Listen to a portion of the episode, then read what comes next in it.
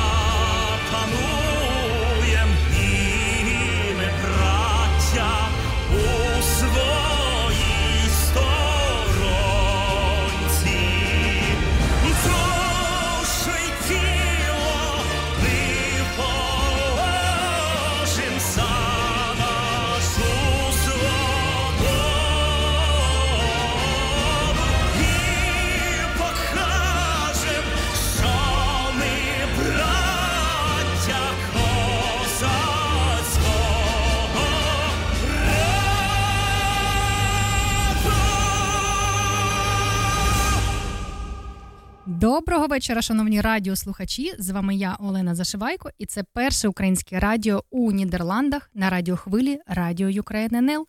Підключайтеся до прослуховування. Сьогодні буде такий у нас лайтовий ефір з гостею. Е, гостю звати Інна Кібець і будемо слухати дуже гарну поезію, гарні вірші, котрі е, ця жіночка пише під час війни. А завжди. Поки триватиме війна, ми будемо нагадувати про це, і світ повинен про це пам'ятати і знати, що відбувається.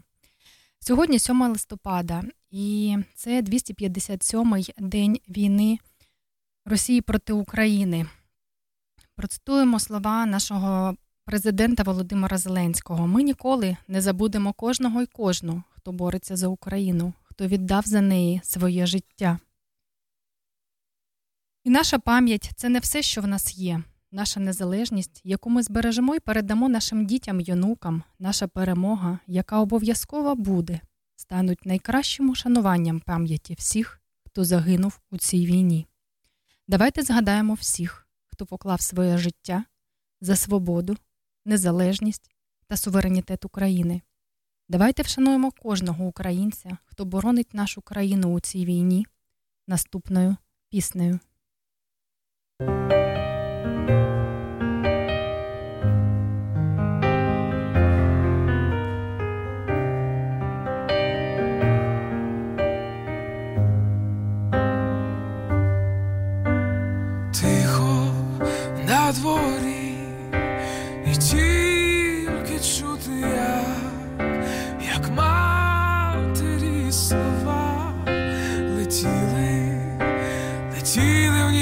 Козака, бачиш, сину мій, свічка не заса, до віку буде вже горіти, горітиме вона молодий юна, молодий козак,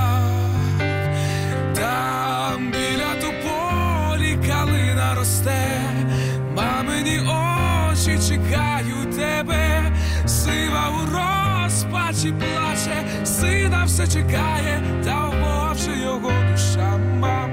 Я бою за волю пішов далечінь, за правду і долю нових поколінь, за тих, хто в морі далеко, і крилами лелеки повернеться живі, рік вже промайнув, прийшла нова весна, а спокою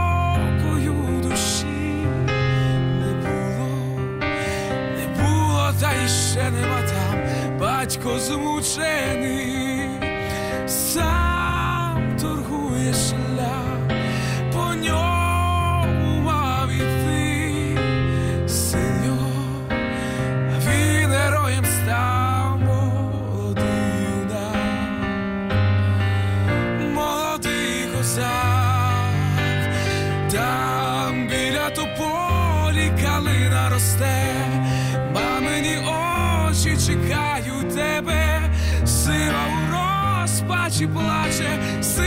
все чекає, та в Бога його душа мав.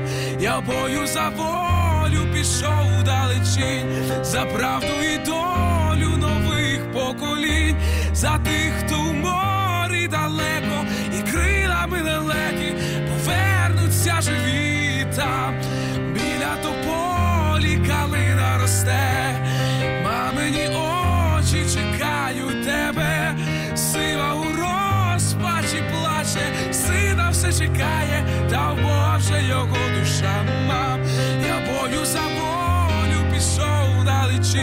за правду і долю нових поколінь, за тих, хто в морі далеко, і крилами лелеки повернуться живі.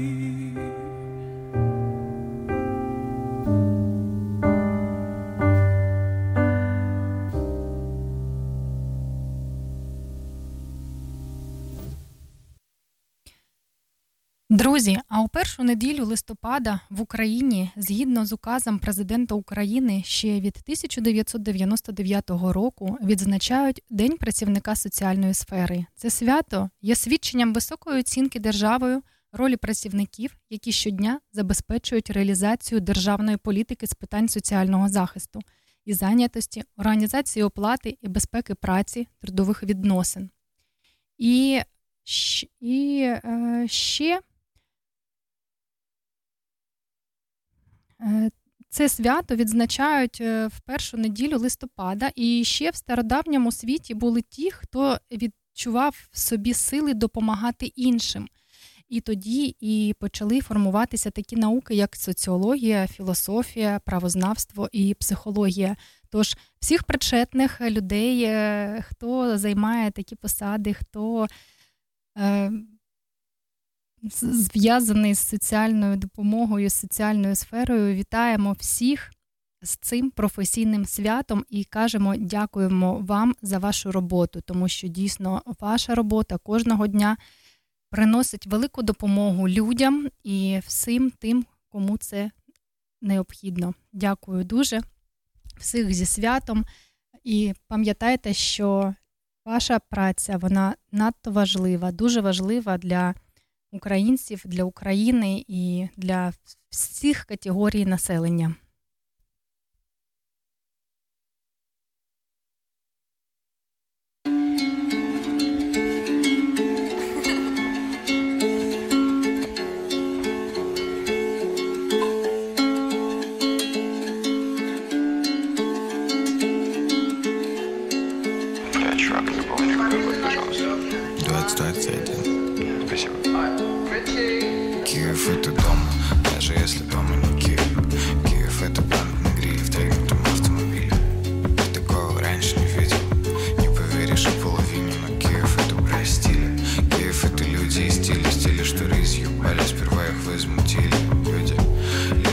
тебя посетил В городе с Киев, ведь Киев это дома. Даже если дома не Киев. Киев это бланты на гриле.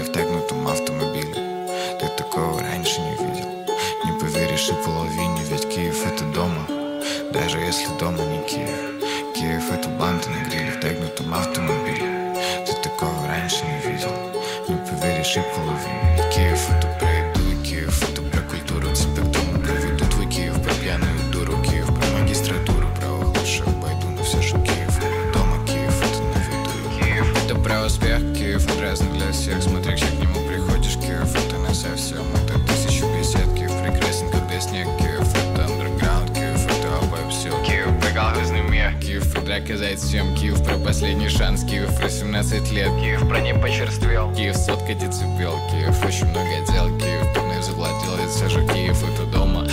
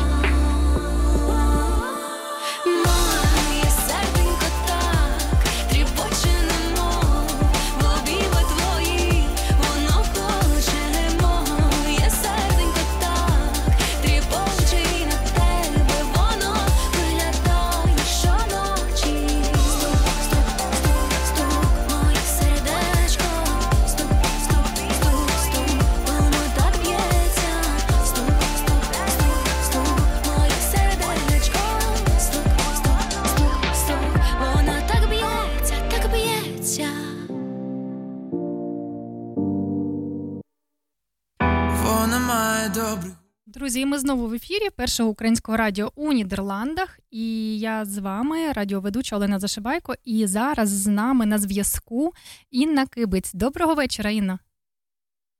Доброго вечора, Оленочка. Дуже рада вас чути. Навзаєм, я також за вами дуже скучила і обіймаю вас міцно. Як взагалі настрій, як ваш день? Е, День дуже чудовий, було мало сирен, так що це вже щастя. І дитина пішла після канікул перший день до школи. Те, що ми займаємося очно, це теж для нас дуже важливо. Е, Я хочу сказати нашим радіослухачам, що Інна Кібиць це е, дівчина з України. Вона проживає у Полтавській області, і саме ми з Інною з одного міста і навіть з одного підприємства. Отак от. О, і я пі- узнала таку інформацію, що під час війни е, ви, Інна, пишете е, дуже такі глибокі вірші і навіть приймали участь у конкурсі. Розкажіть, будь ласка, про це. Е, В нас на підприємстві об'явили про конкурс незалежної поезії компанії Ферекспо. Ну, я навіть даже, ну, я не збиралася е, приймати участь, не збиралася, але хлопці з моєї бригади, знаючи, що я пишу вірші, настояли на тому, щоб е, таки я е, послала свої вірші на цей конкурс. Е, Саме зареєструвалися, саме все зробили, саме мене на це підбили. Угу. Е, Я дуже люблю свою бригаду, дуже люблю. І е, це патріоти, це люди, які в такий складний час працюють і якось допомагають економіці України. Супер, молодці. І це завдяки їм, завдяки їм я прийняла участь в цьому конкурсі і навіть зайняла друге місто. Вітаю Е, вас з цим. Хвалили, хвалили мою гостроту пера, Мгм. знання історії. І хочу сьогодні цим поділитися з вами. Тож давайте послухаємо. Ну, в першу чергу я хочу звернутися до президента Росії на українській мові, але я пишу на мові своєї землі, свого народу. Е, І хочу пред'явити претензії, які написані в вірші. Пан президент немитої Росії. Невже ви зовсім з розуму зійшли, наділи на себе наряд месії, Ми що вас звали? Ви чого прийшли? Де б не з'явились, там і біль, і сльози. Куди б не всунулись, розруха і війна. Такий пихатий, всім шлете погрози, смердючий старець, наче сатана. Чим сповнена історія країни, яка усюди суне довгий ніс, та що ж вам люди добрі наробили, щоб меч проклятий ваш на них завис? Афганістан. Що там хотіли? Що зробили? Нагорний Карабах і там були. Бомбили Сірію і Грузію бомбили, Абхазія. А там колись сади цвіли. А що там зараз? Просто мертва зона. Там процвітає тільки наркота і збагачаються на ній наркобарони. Ще зброєю торгує сволота. Чечня. І там вам не набили пику, вам підкорився сам Великий Дон. Підлизує вам підли черевики і грається в мобілці. Дон дол дон. І все вам мало. Злії очі завидючі не можуть бачити, що хтось по-іншому живе. Не знає спокою ваш мізок злючий. Нагадувати б де, б ще потратити лове, яку б ракету випустить чи міну, якої б зброї ще погратися купить. А може, краще врятувати вам людину, яка хворіє раком, хоче жить. Тепер ви кігтями вчепились в Україну. Малят вбиваєте і мирних в ній людей. Тут кожен день мала дитина гине. Та скільки ж вам потрібно ще смертей? Та скільки ж сліз людських, людського болю потрібно вам, щоб зрозуміть кінець, народ наш вже давно живе на волі, а ви отам пасіть своїх овець. Хай моляться на вас, як на ікону, кривавий, ідол, проклятий вампір. Страшніша кара Божа, ніж прокльони. Вам не пробачить український мир. Ніколи не забудемо ми болю, що завдала нам руська братва. Як кров текла, горить пшеничне поле. Ви вимерли для нас, а Україна ще жива. Дякую, Інна. Дуже сильно. Дуже Е, І ще один вірш е, я написала, це навіть останній вірш, в якому я звертаюся е, до всього російського народу, до своїх навіть друзів, які не всі розуміють, що зараз відбувається в нас. Цей вірш написаний на, російському, на, на російській мові. Ну, всі зрозуміють, чому я його писала на російській, щоб мене почули, щоб зрозуміли, про що я пишу. Тут навіть я вспомнила всю історію, яку я вивчала в школі, яку я читала запрещених авторів. Е, Хочу, щоб ви послухали. З Чим ти думав, товариш? Е, Це про покоління Z якраз, Угу. про їхні ці літери, всім звісні. Чим ти думав, товарищ, рисующий літеру Z? На руїнах пожарищ заключить з сатаною обет? Зетка, свастика грязная, кармы рунический крест, страшный символ концлагеря и тактический символ СС. Как же жить будешь дальше? Что детям расскажешь своим? Все твои идеалы растаяли в небе, как дым. И слетела с катушек, безумная, разъярена, воспылавшая злостью на звере багряном страна. Не получится сей раз себя от позора отмыть, и фашизм с коммунизмом опять вам придется сравнить. Вы, наверное, забыли о том, сколько совесть хранила смертей, как таскали вы трупы кровавых вождей в мавзолей. Звездоносцы у власти вам парили славу свою, и опять вы им верите в том же строю, на краю. Как тогда вам не важно, кто нажмет За спиной на курок белокурый арийский детеныш или с деревни простой паренек, отпрыск деда кровавого, несшего службу в СД или предка коварного, стражника НКВД. И за кем вновь приедет современный домой воронок, и кого-то отравят, а кому будет пуля в висок, превративший все в юмор и избавившись от проблем, так смешно и цинично превратят преступления в мем. Слышишь, русский товарищ, нас не нужно спасать, или ты снова готов подлый пакт подписать?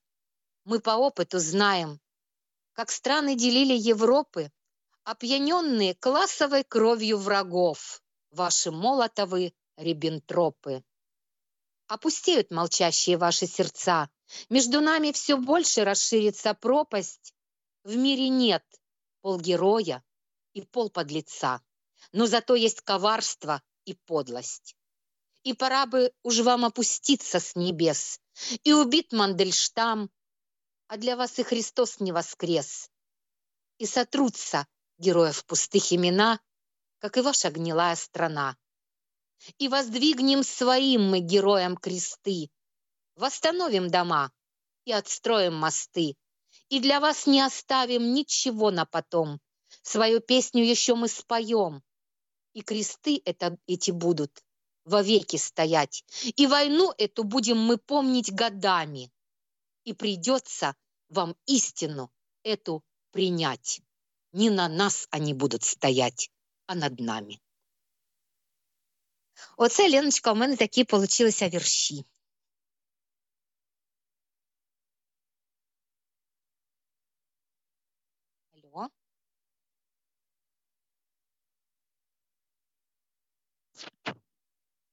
Алло, алло.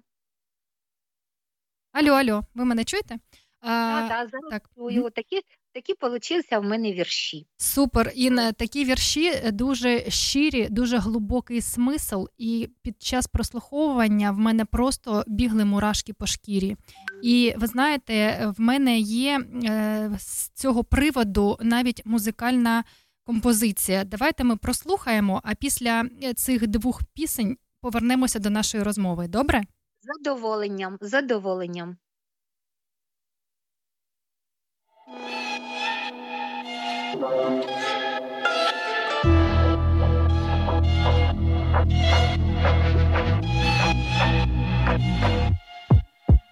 I got ice in my veins, loaded guns, I'm insane. Fight for peace in my land, enemies lying dead. We gang shit with my troop, iron tanks, bulletproof.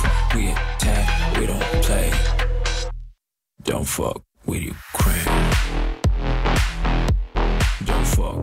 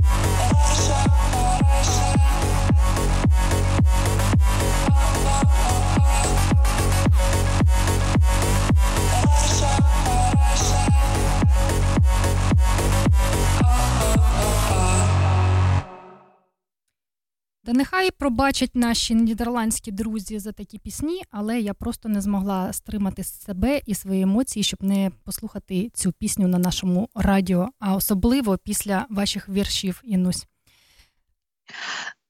Я хочу сказати, Лена, в нас іде війна, але в Україні осінь, і в такі скрутні часи е, треба повчитися у наших дітей. Е, Привозиш дитину до школи, тут е, лунає сирена, і зразу дитина, е, вчителька приймає, діти йдуть в підвал. Що вони роблять в підвалах? Вони не сумують, вони спілкуються, вони співають пісні. Як кажуть, е, наших дітей точно не здолати. Так що терпінню і витримці ми повинні повчитися в наших дітей в першу чергу. Так, це так і є. Я сьогодні натрапила на таке відео, коли першачки е, прийшли до школи, була сирена. Мені здається, що це був якесь велике місто, може Київ. І е, там у бомбосховищі були так відведені місця саме для кожного класу. Там був перший А, перший Б, і вони там такого співали, такі веселі, і дуже хочеться виразити слова подяки вчителям, котрі, попри все, дають ту енергію і сили. І знаєте, що е, якусь таку надію у майбутнє, що діти мають змогу е, радуватися, співати і відволікатися від тієї жахливої реальності. І поки вони сидять у бомбосховищах і співають, то вони е, дуже я на це сподіваюся, що в них патріотизм ще більше зростає, і вони ж все одно виростуть. Вони будуть великими взрослими людьми, і вони будуть це згадувати і вже більш осознано розуміти, чому вони там сиділи саме зараз. І я дуже сподіваюся, що ця вся жахлива війна скоро все ж таки закінчиться нашою перемогою, і наші діти зможуть піти нормально до школи і отримувати знання. А знання наша українська школа дає дуже сильні, дуже потужні, тому що дійсно у нас і it система Я кожного разу буду повторювати, що в Україні дуже гарні всі, ну всі напрямки, куди не подивись, от чесно куди не подивись, все дуже, дуже гарно розвинуто. Так, але... А я хочу, е, Оленочко, сказати, і ви мене піддержите, що в нас е, в Полтавській області, в горішніх плавнях, е, завдяки компанії Ферекспо, завдяки нашому благодійному фонду, в нас дуже сучасні школи з дуже сучасним обладнанням і дуже високий рівень знань у наших діток. Так, це дійсно, тому що вони займають постійно всі перші міста на олімпіадах. Це і робототехніка, і спортивні е, якісь групи, класи, і взагалі математичний напрямок. У нас просто таке покоління, що я не знаю, вони точно в космос будуть літати. Так, ми завжди можемо пишатися своїми дітьми. Це, Це так і є. Дякую, Інночко, за е, вам за вашу творчість. Розкажіть мені, будь ласка, скільки у вас уже є е, ваших віршів, поезії? Е, чесно кажучи, я навіть е, не рахувала, бо пишу дуже давно, це ще із школи. Багато віршів є. Які присвячені моєму коханому чоловіку, йому багато писала, на замовлення писала, сценарії писала. Ну, я якось не для слави, не для похвали, все тихесенько, але зараз це якраз виплило така тема війни, і, як кажуть, все це на емоціях, і як внутрішній голос якийсь Мені здається, що вам потрібно зробити збірку і випустити її, щоб інші люди також могли це е, прочитати і пізнати. Тому що коли ви собі піш, пишете десь у зошиті, то, то ж тільки ви володієте цією такою е, дуже гарною інформацією. Але ж хочеться, щоб і е, інші українці прочитали і знали, що є така Інна Кібець, яка дуже так круто, потужно і влучно кожне слово Е, Зараз римує. просто настав такий час, що змогли оцінити мої вірші, але в мене ще багато віршів на російській мові. Е, В мене мама вчителька російської мови і літер- літератури. Я так вважаю, що в культурі, в поезії не повинно бути бар'єрів. Чим на, на більших мовах написано, е, тим воно краще сприйняється. І е, я бачу, що час нашого ефіру закінчується. Я хочу його закінчити на ліричній ноті на російській мові. Якщо ви дозволите, прочитаю вірша про осінь. Е, Зараз осінь іде повним ходом, і хотілося б, щоб щось було позитивне в серці. Залюбки.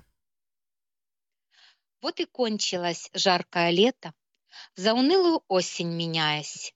Певчих птиц многотысячный щебет потускнел, будто вдаль удаляясь. И деревья так сонно и тихо шелестят своим листом зеленым, будто шепчут друг другу о лихе, что стоять скоро им оголенными.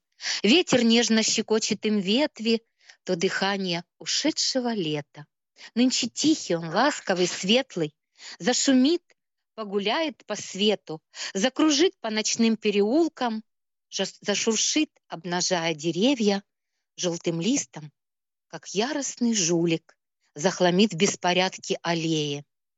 И сквозь бездну угасшего неба пробивается тусклая просить, то прощается с юношей летом, посидевшая женщина осень.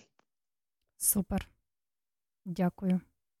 Ін, чи є у вас, чи дуже є у вас дякую. бажання передати привітання, може, комусь, чи побажання нашим радіослухачам? Я хочу сказати всім, побажати всім ради- радіослухачам миру, злагоди, і щоб вони ніколи серцем, оком не побачили те, що зараз відчувають люди України. Е, Дуже шкода е, людей похилого віку, дуже шкода дітей, тому що ну, це саме прикро, що в наших дітей е, забирають дитинство, забирають е, можливість е, навчатися. Е, я хочу побажати, щоб ні, ні люди, ні їхні діти ніколи такого не змогли побачити. Але ж ви знаєте, у нас більша кількість радіослухачів саме українці. Українці і не тільки ті люди, котрі виїхали до Нідерландів, а я отримую фідбек і від е, знайомих з України, і навіть від незнайомих людей з України, і від тих українців, котрі зараз знаходяться у різних країнах світу. І Загалом, то у нас е, програма вона йде на українській мові, і нам дали таку можливість. Дякую. Я дякую Всесвіту, що дійсно так сталося, що я маю можливість транслювати за кордоном е, українське радіо і українську культуру, українські пісні. І е, ви може і побачили, що я можу спілкуватися і ставити тут пісні, ті, які бажаю доречними і роз, розмовляти на будь-які теми, е, котрі турбують зараз українців. І, і дійсно ми піднімаємо багато питань психологічної підтримки. і Всяких таких там порад для українців, і саме е, творчість, і українська культура, і більша кількість радіослухачів це саме, саме українці. І до нас приходили е, люди, котрі приїхали з Маріуполя, з Ізюму, з Бучі і розповідали свої історії. Це просто жах від цього стина кров. І коли ми спілкувалися з Марією з Маріуполя, то ми просто вмикали багато музики, тому що ми не могли просто спокійно сидіти і слухати її історію. Це жахливо.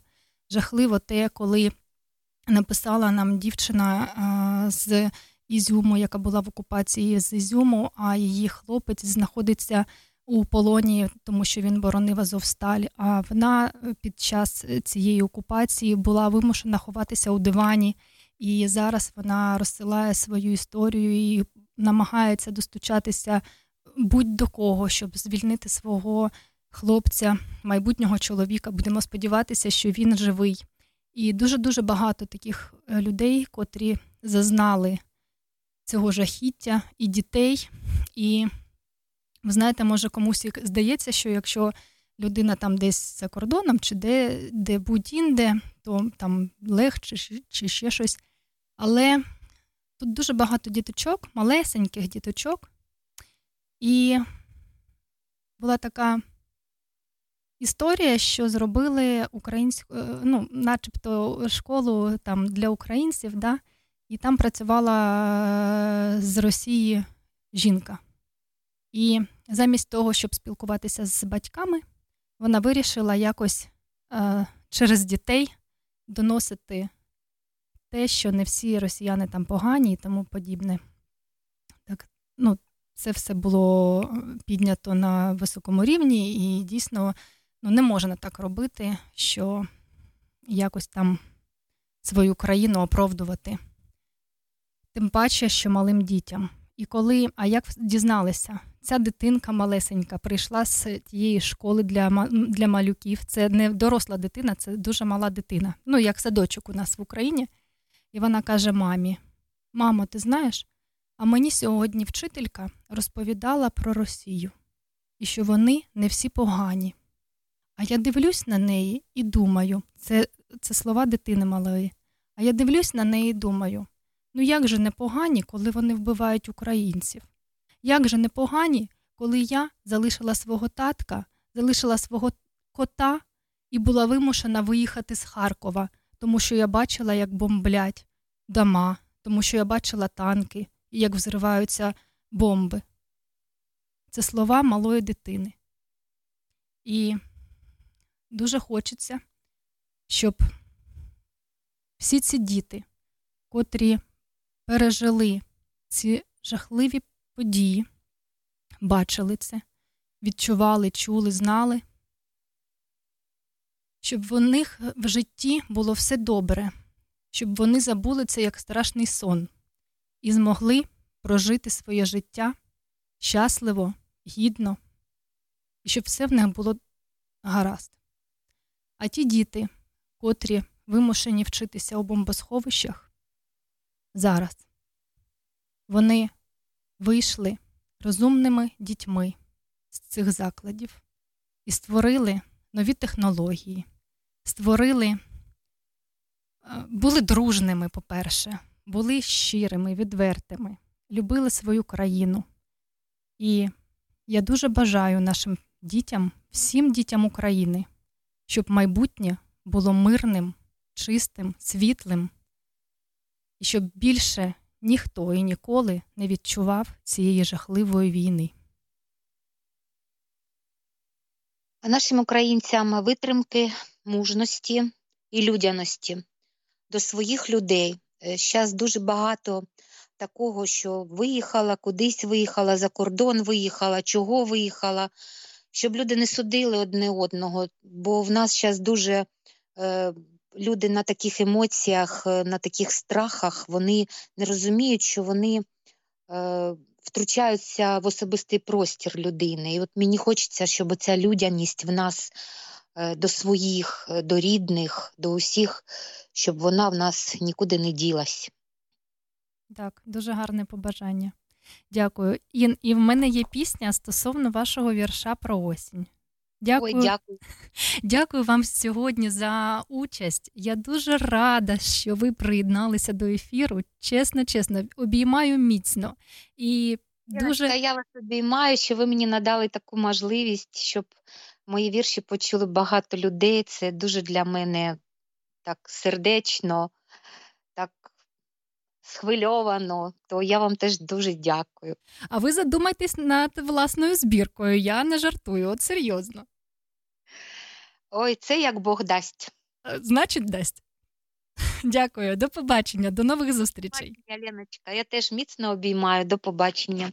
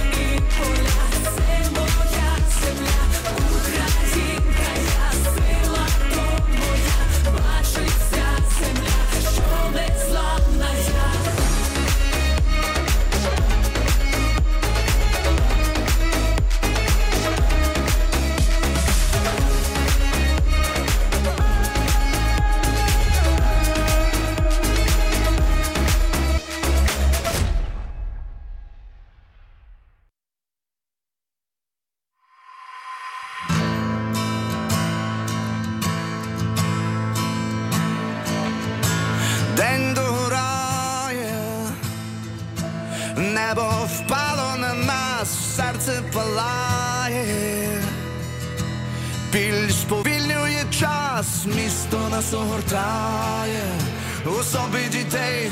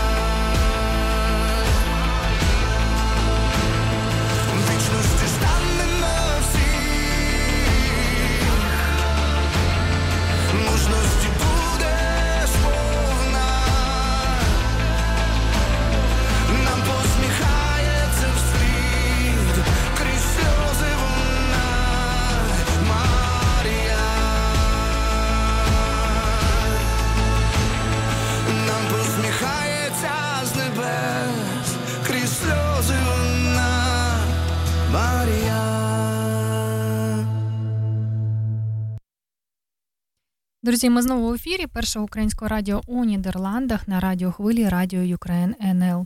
І вчора, 6 листопада, крім е, святкування Дня соціального робітника, у Амстердамі на площі Dam Square е, проходив мітинг українців. І головні месенджі цього мітингу, цього, цієї події були про те, що війна триває, і нагадати про військові злочини Росії, і що ми досі, досі потребуємо все більше допомоги. І також Україні потрібні системи ППО та антидронова зброя. І на у знак солідарності з українцями, які знаходяться в Україні без світла, всі, хто був присутній на цьому мітингу, запалили свічки і стояли у темряві, темряві і таким чином показуючи європейцям, хоч трішечки донести, намагалися про те, що дійсно відбувається зараз у такій прекрасній країні. Проте е, Україна отримає 500 електрогенераторів від 17 країн Європейського Союзу. Україна е, отримає 500 електрогенераторів від 17 країн Європейського Союзу для підтримки доступу до електрики та опалення. Е, про це повідомляє управління Європейського Союзу з питань цивільного захисту та гуманітарної допомоги. І для підтримки доступу до електрики та опалення 17 країн ЄС направили в Україну 500 електрогенераторів через механізм цивільного захисту Європейського Союзу. Е, Це йдеться у повідомленні і у мікроблозі Twitter і передає Інтерфакс Україна. Серед країн, які надали допомогу Україні, Україні, такі як Словенія, Словаччина, Ірландія, Австрія, Швеція, Іспанія, Німеччина, Італія, Данія, Фінляндія, Естонія, Бельгія, Болгарія, Люксембург, Кіпр, Польща та Франція. Раніше прем'єр-міністр України Денис Шмигаль повідомляв, що Україна отримала від донорів вже 700 генераторів, і ще 900 буде доставлено найближчим часом. І дякуючи цим країнам, що вони розуміють, що відбувається, і надають допомогу нашій країні, нашій Україні. А ми, в свою чергу, перше українське радіо у Нідерландах вже як тиждень тому оголосили збір коштів саме на генератор для наших захисників Збройних сил України. І завдяки е, вам, завдяки небайдужим українцям, завдяки дівчатам з майстерні Мотанка і взагалі дякуючи всім, всім небайдужим. Ми на наших рахунках маємо вже 173 євро і 7 тисяч гривень. Це це вже половина від е, общої суми збору. І я дуже сподіваюся, що дуже скоро ми закриємо цей збір. А для того, щоб скоріше його закрити, у нас продовжується розіграш, розіграш худі. Ми у п'ятницю його не розігрували, як ви вже побачили, тому що ми кожної п'ятниці проводили розіграші наших подарунків, але цієї п'ятниці розіграшу не було, тому що у нас ще є вільні місця, і ви можете прийняти участь. Мінімальна сума донату становить 2 євро. 2 євро для європейця, для е, українця, котрий зараз знаходиться в Європі. Це зовсім невеличкі гроші, тому що ну, хліб коштує саме буханка хліба коштує понад 2 євро, а кава так взагалі всі 5. І от е, дуже прошу, якщо ви хочете долучитися, якщо ви хочете допомогти нашим захисникам. Генератор буде направлений в 57-му мотопіхотну бригаду, тому що хлопці його дуже потребують. І якщо ви хочете долучитися і допомогти, будь ласка, заходьте до нашого телеграм-каналу, там є всі номери рахунків. Мінімальна сума донату 2 євро або 75 гривень. І таким чином ви зможете прийняти участь у нашому розіграші і мати можливість е, отримати теплесеньке худі від першого українського радіо у Нідерландах з принтом, дуже крутим таким принтом е, про руський воєнний корабль. Так що долучайтеся і будемо допомагати нашій Україні разом. І, до речі, хочеться сказати про те, що останніми днями е, в західних ЗМІ з'явилося повідомлення, що, начебто, США просили Київ дати світу сигнал щодо готовності переговорів з Росією. Це потрібно не для того, щоб розпочинати переговори, а для зняття напруження в низки країн, які розраховують на дипломатію. І ось сьогодні радник голови офісу президента Михайло Подоляк заявив що Україна не відмовляється від переговорів з Росією, але Федерація спершу має вивести всі війська з території України. По суті, це саме Україна декларує вже декілька місяців поспіль. Тим часом з'явилася інформація з того ж ряду, мовляв, США та НАТО не відкривають початок мирних переговорів щодо війни в Україні у разі, якщо Україна від відвоює Херсон. Про це повідомляє е, е, Републіка. Акцент робиться на тому, що при цій умові Україна на переговорах буде виступати з позиції сили. А ось президент Німеччини прямо сказав, що тільки сама Україна має вирішувати, коли йти на переговори і чого прагнути на цих переговорах. Дякуємо президенту Німеччини, тому що дійсно ці слова дуже правильні і дуже влучні.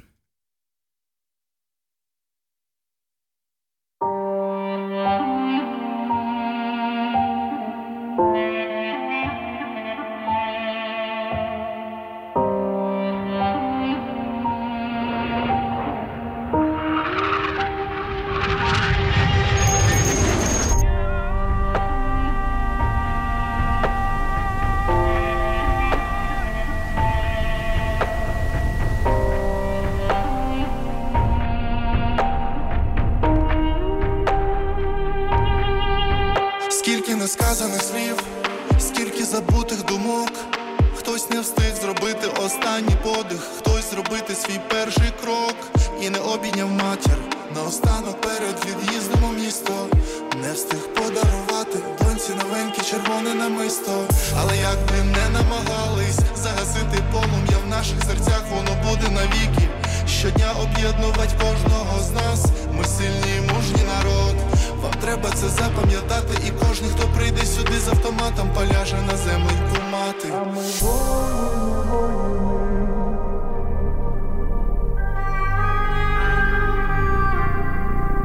Ми воїни, воїни, а ми воїни, воїни, а ми воїни, воїни, берем все в свої долоні, червона калина, зброя, не здамося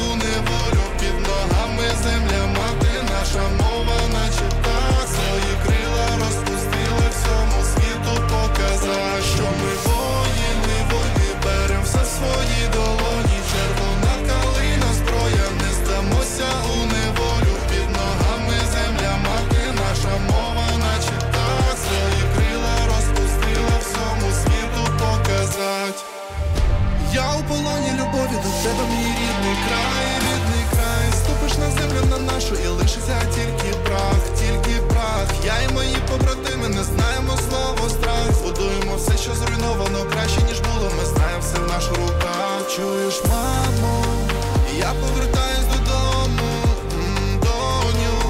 Простягни до мене свої долоні. Я виконав безліч місяць, зараз завершу найголовнішу. Радіє новому намисту. А ми воїни,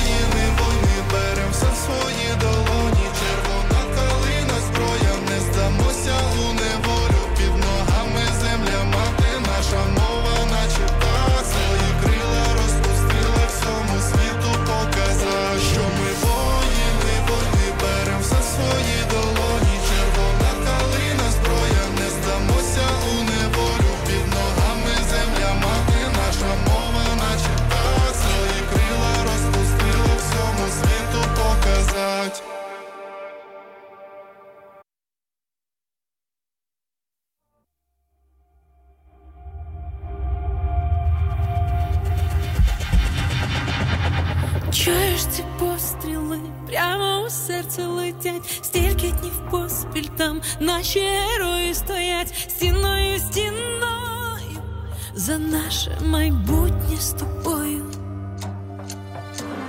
Боже, як боляче, думки по колу постійно лишила чоловіка, щоб врятувати сина, Діва Марія, звичайна жінка з України.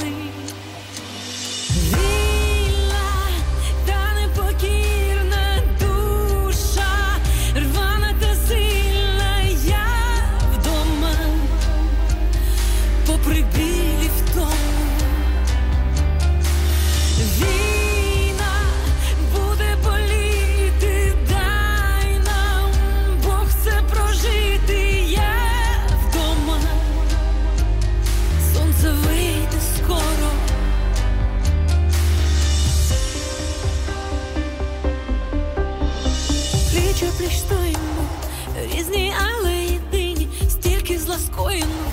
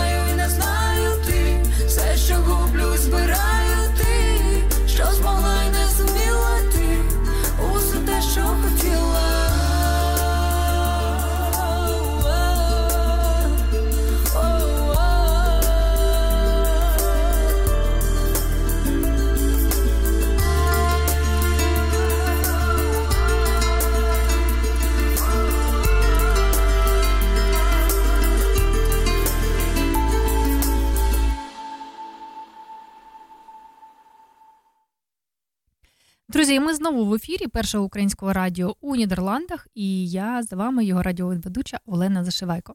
І 6 листопада вчора був дуже такий насичений день, незважаючи на те, що вчора була неділя, і це, казалось би, був би вихідний день, але ж ні. Прат Укрнафта, ПАТ Укртатнафта, АТ Моторсіч, Прат Автокрас та ПРАТ Запоріжтрансформатор це всі п'ять підприємств українських переходять у власність держави. Таке рішення ухвалила Національна комісія з цінних паперів та фондового ринку України 6 листопада. Різні частки на цих підприємствах належать українським бізнесменам Костянтину Живаго, Ігорю Коломойському та В'ячеславу Богуслаєву. І стосовно цієї новини, прем'єр-міністр Денис Шмигаль заявив про те, що підприємства, акції яких примусово вичужені у власність держави, мають забезпечувати оборонні потреби України, причому деякі з них відновлять втрачені потужності. Про це повідомляє Укрінформ. Ці п'ять підприємств управляються і мають забезпечувати повною мірою оборонні потреби нашої країни у воєнний час. Підприємства стратегічно важливі, виробляють продукцію, яка критично необхідна для потреб оборони і армії, а також енергетичного сектору, який сьогодні також перебуває під захистом Збройних сил України. Ці підприємства мають працювати 24 на 7, для потреб оборони держави. Ми говоримо про переведення економіки країни на військові рейки. Це одна з частин цієї стратегії, наголосив керівник уряду. Він запевнив колективи підприємств, які працюють, що жодних змін у їх роботі не відбудеться. Навпаки, лише збільшиться кількість замовлень, буде більше гарантій від держави щодо виробництва продукції. Стосовно тих підприємств, які не працювали на сьогодні, ми потребуємо продукції цих підприємств, робота їх буде відновлена, трудові колективи будуть повертатися до роботи, і технічний потенціал цих підприємств буде використовуватися повністю, заявив прем'єр-міністр. Відповідаючи на запитання щодо можливих інших кроків для переведення економіки на воєнні рейки, Шмигаль зауважив, що це залежатиме від потреб держави. За його словами, може йтися як про вилучення майна для військових потреб, так і про додаткові державні замовлення для сектору безпеки й оборони.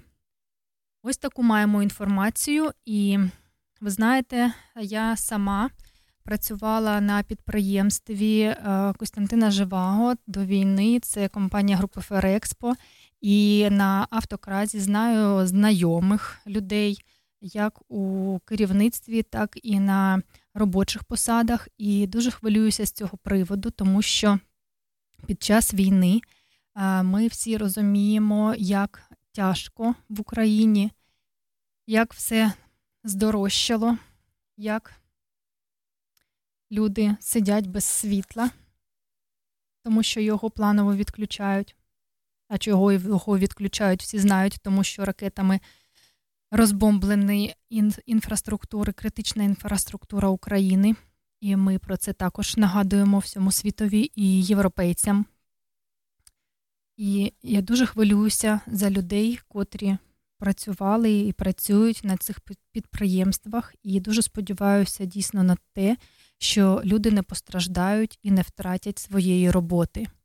Тому що під час війни втратити роботу то дуже тяжка буде втрата для кожного, для кожної людини і для їхніх сімей. Тож я дуже сподіваюся на те, що дійсно, як каже прем'єр-міністр, ці заводи будуть працювати і будуть збільшувати своє виробництво, і навантаження буде збільшуватися, тобто і робочих місць буде більше, і заробітна плата у людей буде кожного місяця і стабільно. Дуже на це сподіваюся і вірю в найкраще. Чи встигнемо ми побачити сонце? Чи встигнемо побачити щасливі очі наших батьків? Встигнемо, бо у нас є надія, сила і наша країна.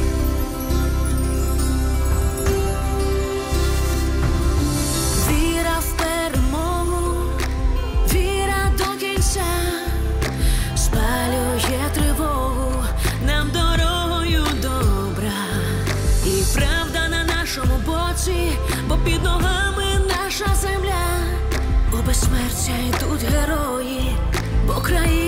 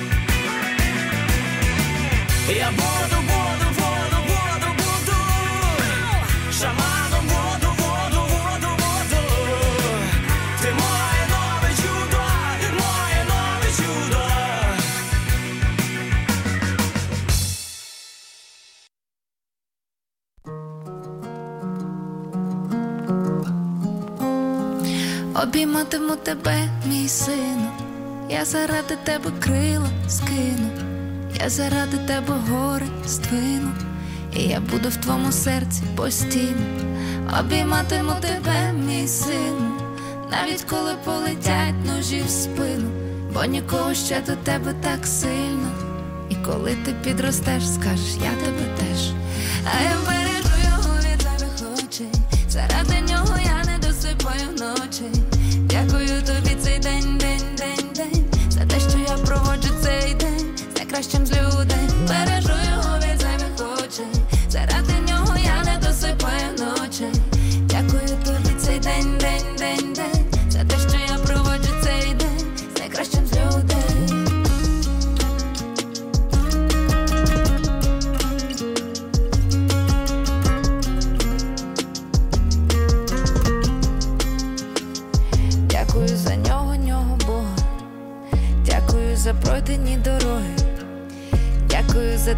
ці тривоги залишились там за рогом, мені вони ні до чого. Дякую за долені відстані, дякую за ночі невиспані, дякую за те, що в чах.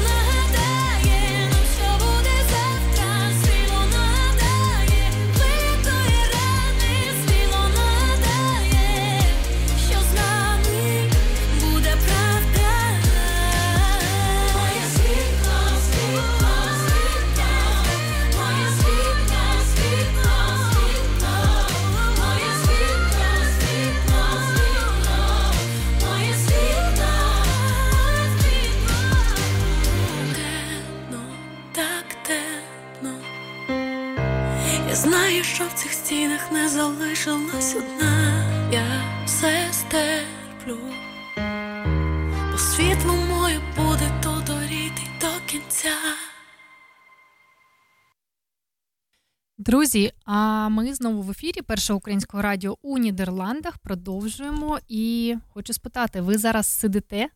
Якщо ні, то пристядьте, тому що ми маємо дуже круту новину.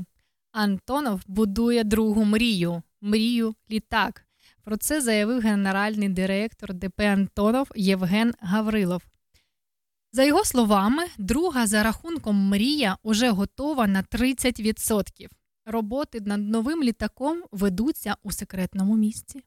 Другий Ан 225, який так і не був добудований, буде забезпечений частинами літака, що був зруйнований і новими деталями, розказав Гаврилов.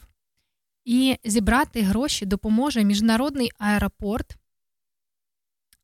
Лейпшиг Гале куди часто літав Ан-225 до початку вторгнення Російської Федерації.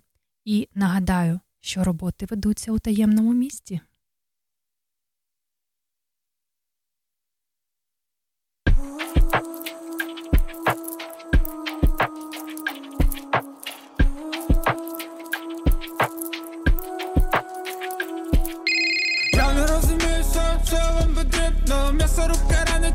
Пізно всі квадритне Обіцяєм не заводити туди трипом Хочете дріто, хочете дріто Це є наша українська гостиниця Де залишимо борго, принесем гостиниці То не все захти, крейсер Москва. Ми завжди там, крейзі Москва.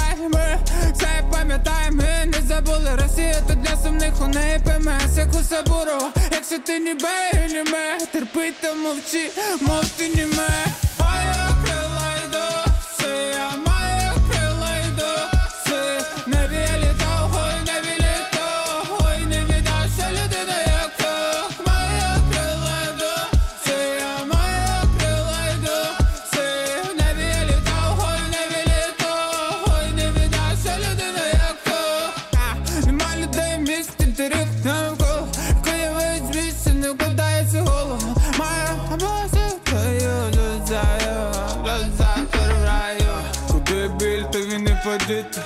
Обіцяє, будуть пам'ятати наші діти.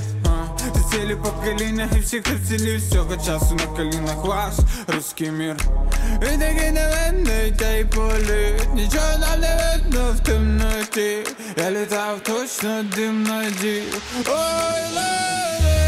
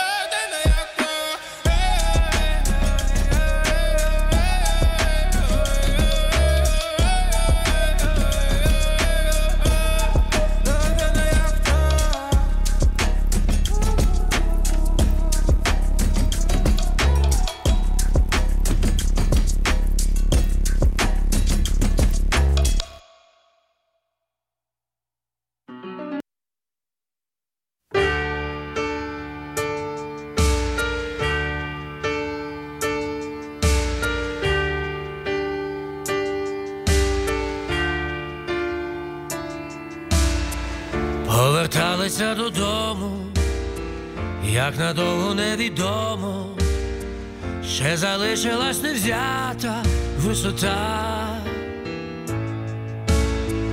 Поверталися додому, розійшлися по одному, а тебе не відпускає пустота.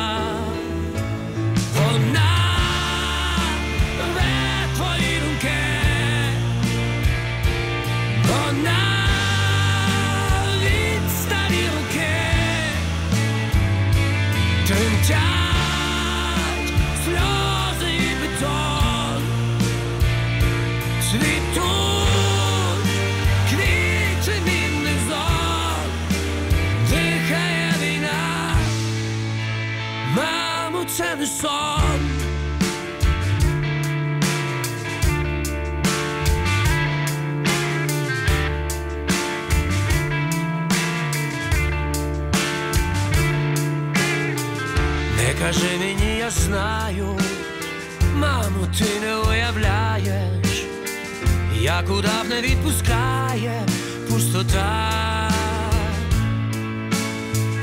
поки спокою немає, кожен метр твого краю, і не взята кожна твоя висота.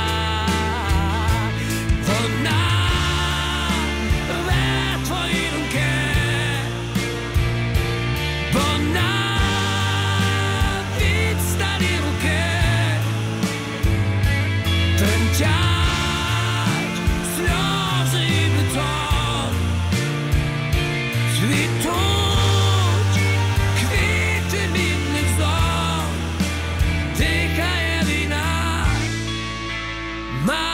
мамо, це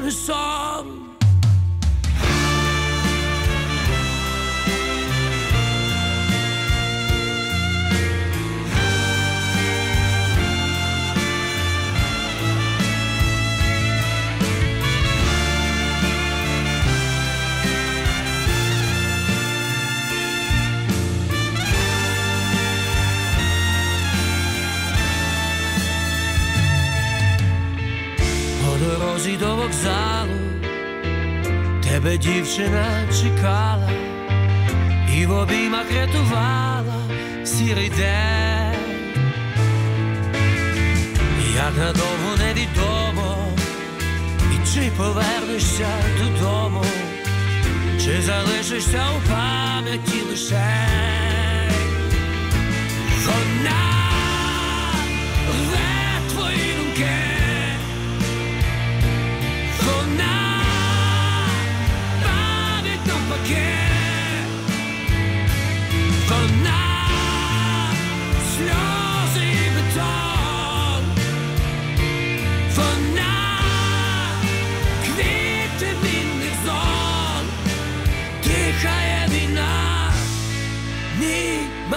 мамо, це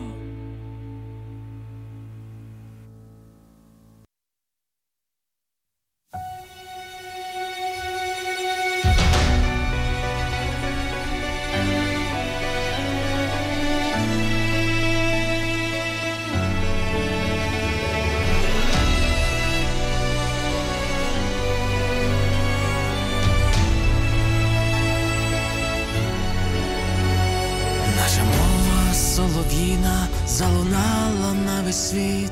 Ми незламна Україна, подолаєм ворогів. Нас від заходу й до сходу об'єднала всіх війна. Але ми народ незламний, Україна в нас одна. Україна моя,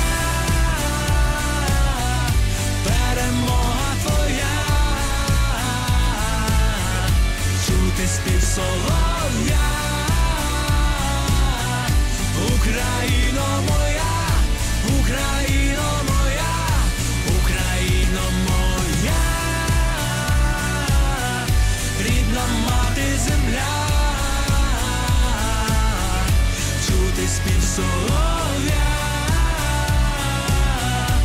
Україно моя. Кожен з нас це Україна, Україна, я і ти. Так давайте будем, друзі, Україну берегти. Нас від заходу й до сходу об'єднала всіх війна. Але ми народ незламний, Україна в нас одна. Україна моя, перемога твоя. Чути спів солов'я,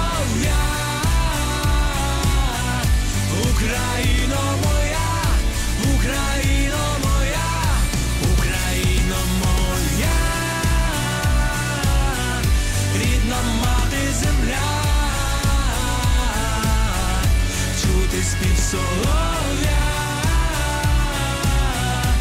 Україно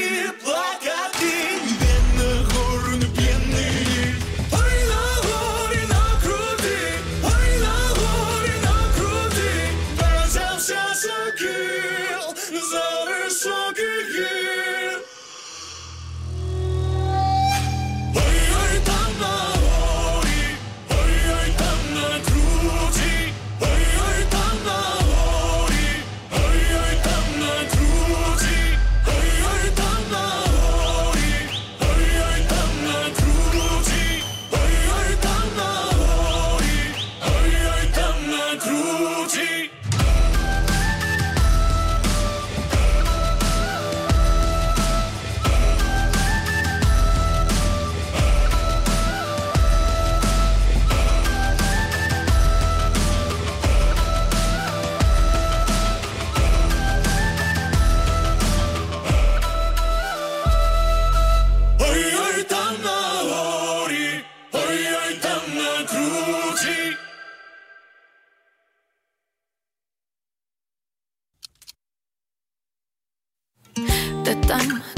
Ворожа орда, в якої немає серця, пре, як безглузда чума. Я тут, де кожен звук, наче непотрібний стук, я наче без рук. Мені без тебе нема куди дітись, нема куди сісти. І я просто намагаюсь якось далі жити.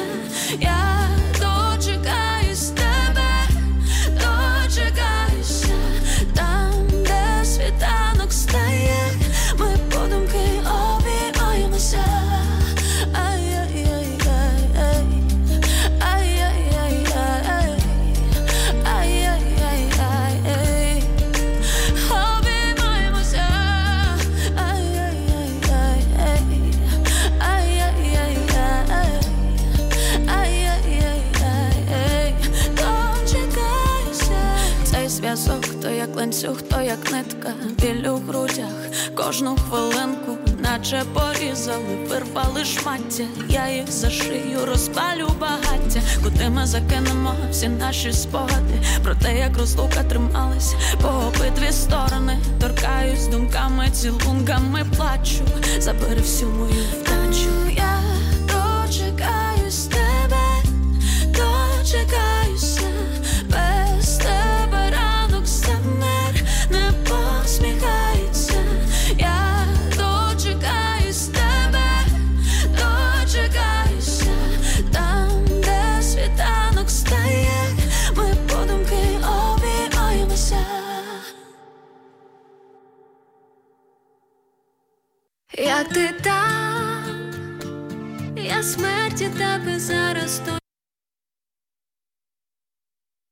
Намалюю на папері щасливу дитину, де в мирному небі літають птахи. Я намалюю на папері рідну Україну без війни.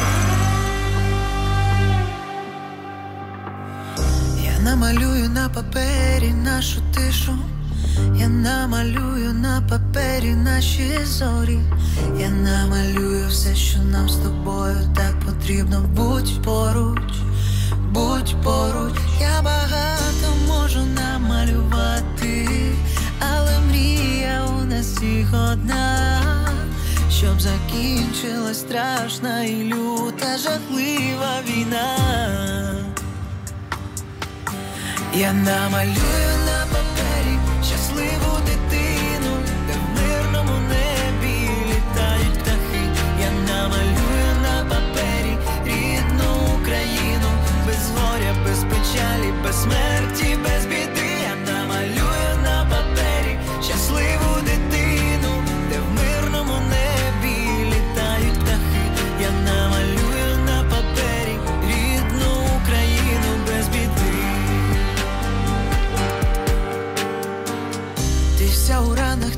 Пече і дуже страшно. Не бійся, ненько, ми твої захисники. Усе життя було з тобою, нам так класно. Тебе ніколи не залишимо в біді, одна в нас така Україна, і за тебе горою ми всі. Я намалюю, щоби ти була щаслива навіки.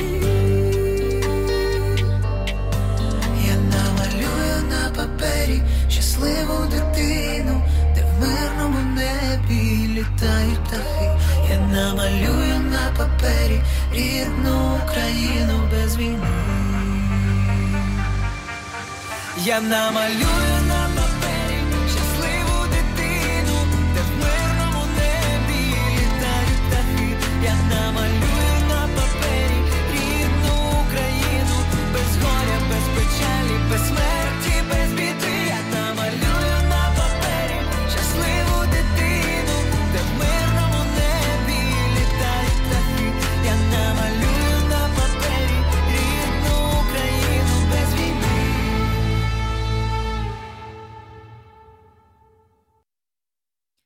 Друзі, і ми знову в ефірі Першого українського радіо у Нідерландах. І вже час ефіру підходить до завершення. Так бистро проходять наші дві години.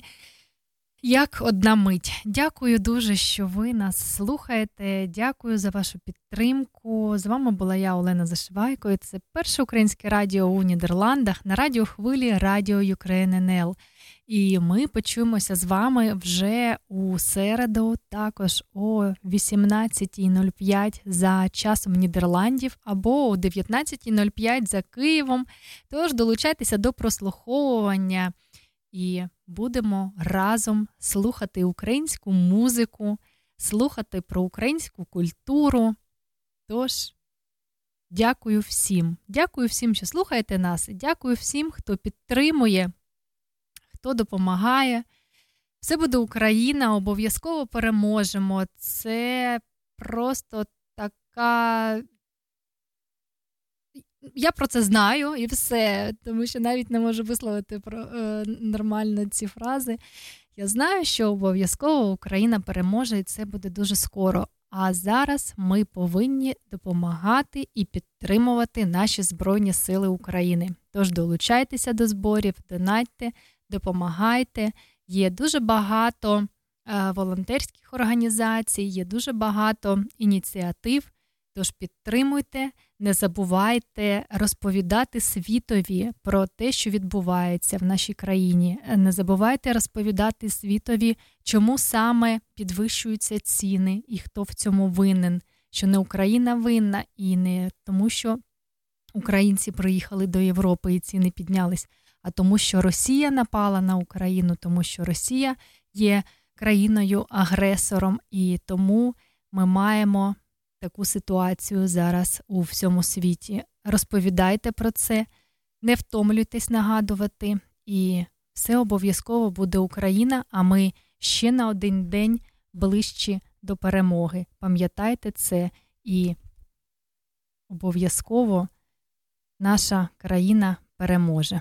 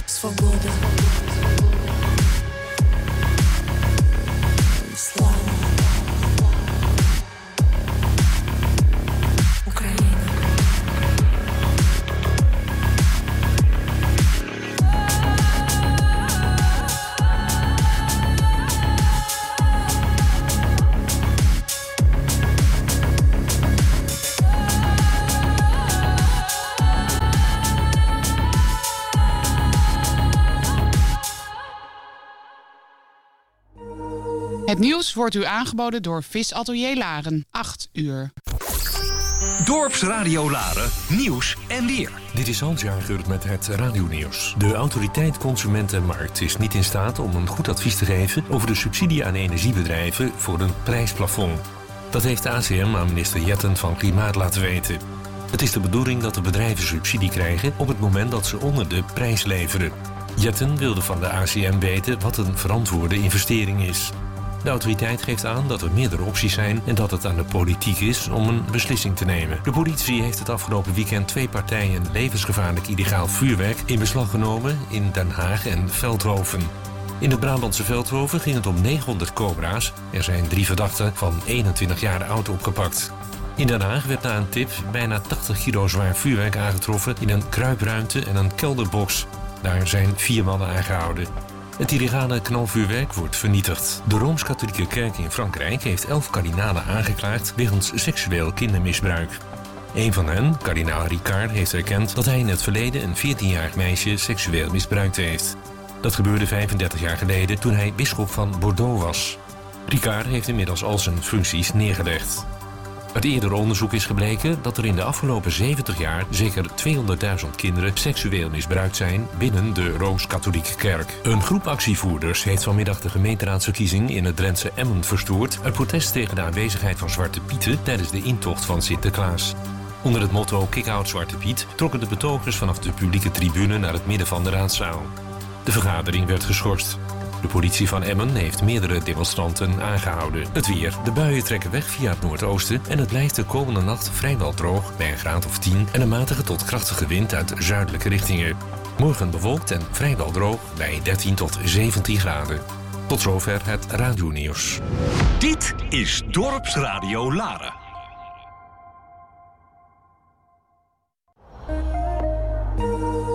Ik ben fit in 20 minuten per week. Kan dat? Jazeker, want ik train bij Fit 20. Met de unieke Fit 20 trainingsmethode. Altijd met personal trainer en zonder te douchen of om te kleden ben ik fit in slechts 20 minuten per week. Ga voor een gratis kennismakingstraining naar fit20.nl.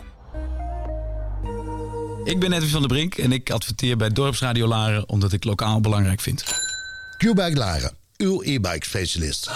Bicycle, bicycle, bicycle. I want to ride my.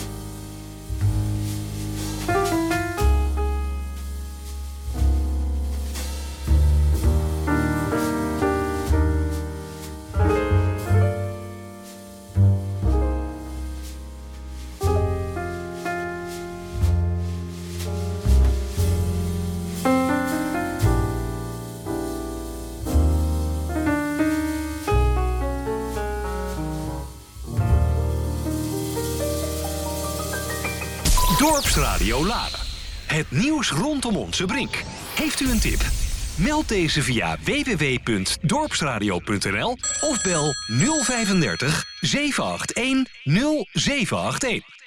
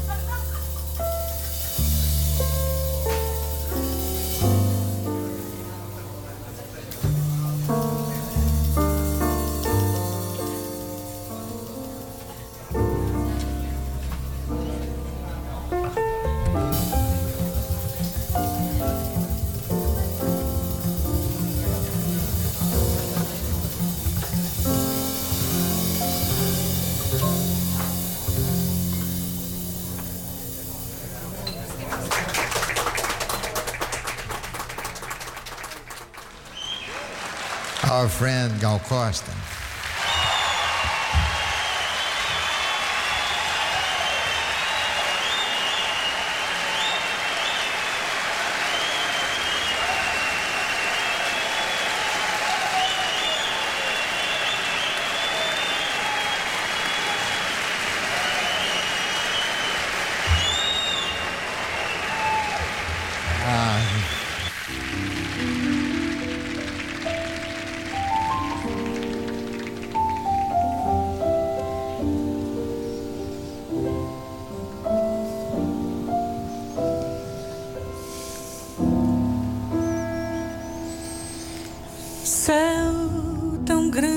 O céu e bando de nuvens que passam ligeiras.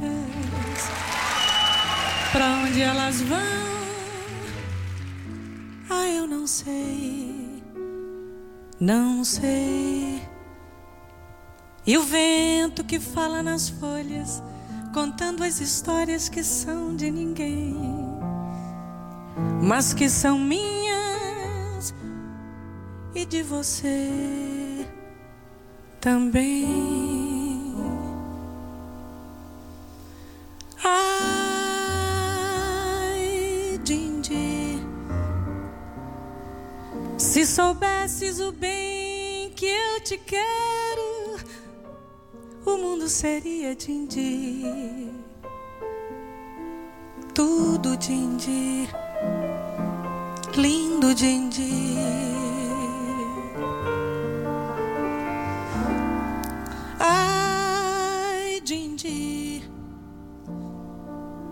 Se um dia você for embora, me leva contigo, Dindi.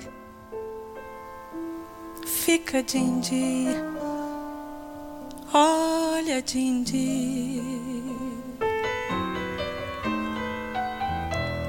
E as águas desse rio, onde vão, eu não sei.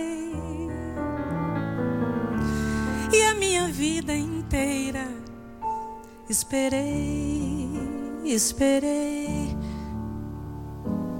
por você, Dindi,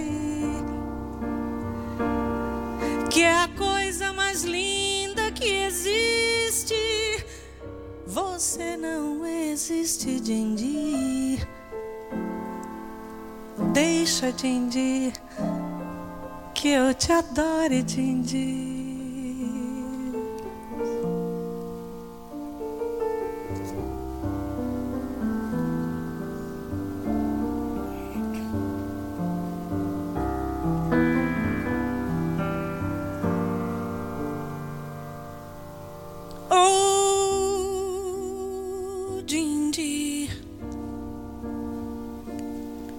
If I only had I would say all the beautiful things that I see when you're with me. Oh, my Dindi. Oh, Dindi. Like a song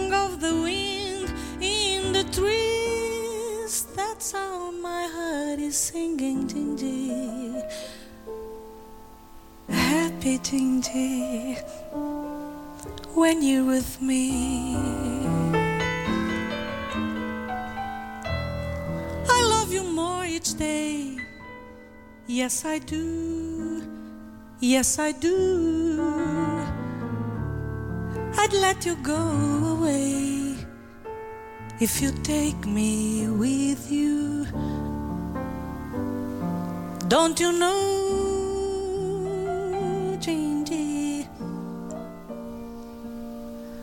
I'll be running and searching for you like a river that can fight the sea. That would be me without you, my Dindy. Without you, my Dindy.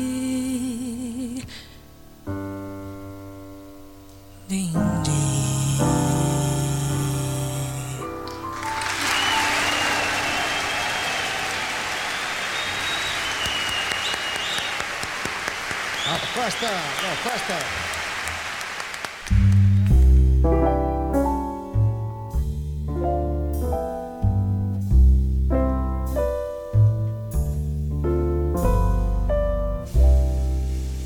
Someday, when I'm awfully low, when the world is cold, I will feel a glow just thinking of you and the way you look tonight.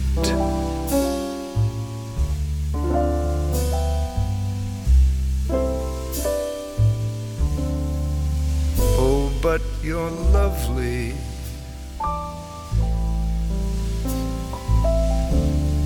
With your smile so warm and your cheek so soft, there is nothing for me but to love you. Just the way you look tonight.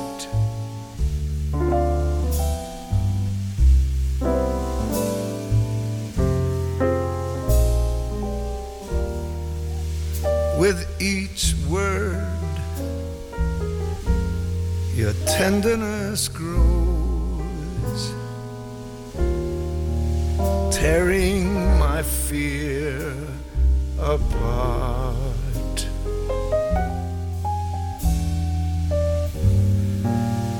And that laugh that wrinkles your nose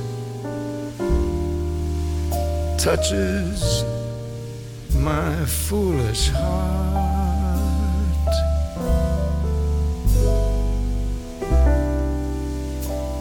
Lovely, never, never change. Keep that breathless charm. Won't you please arrange it? Cause I, I love you just the way you look tonight.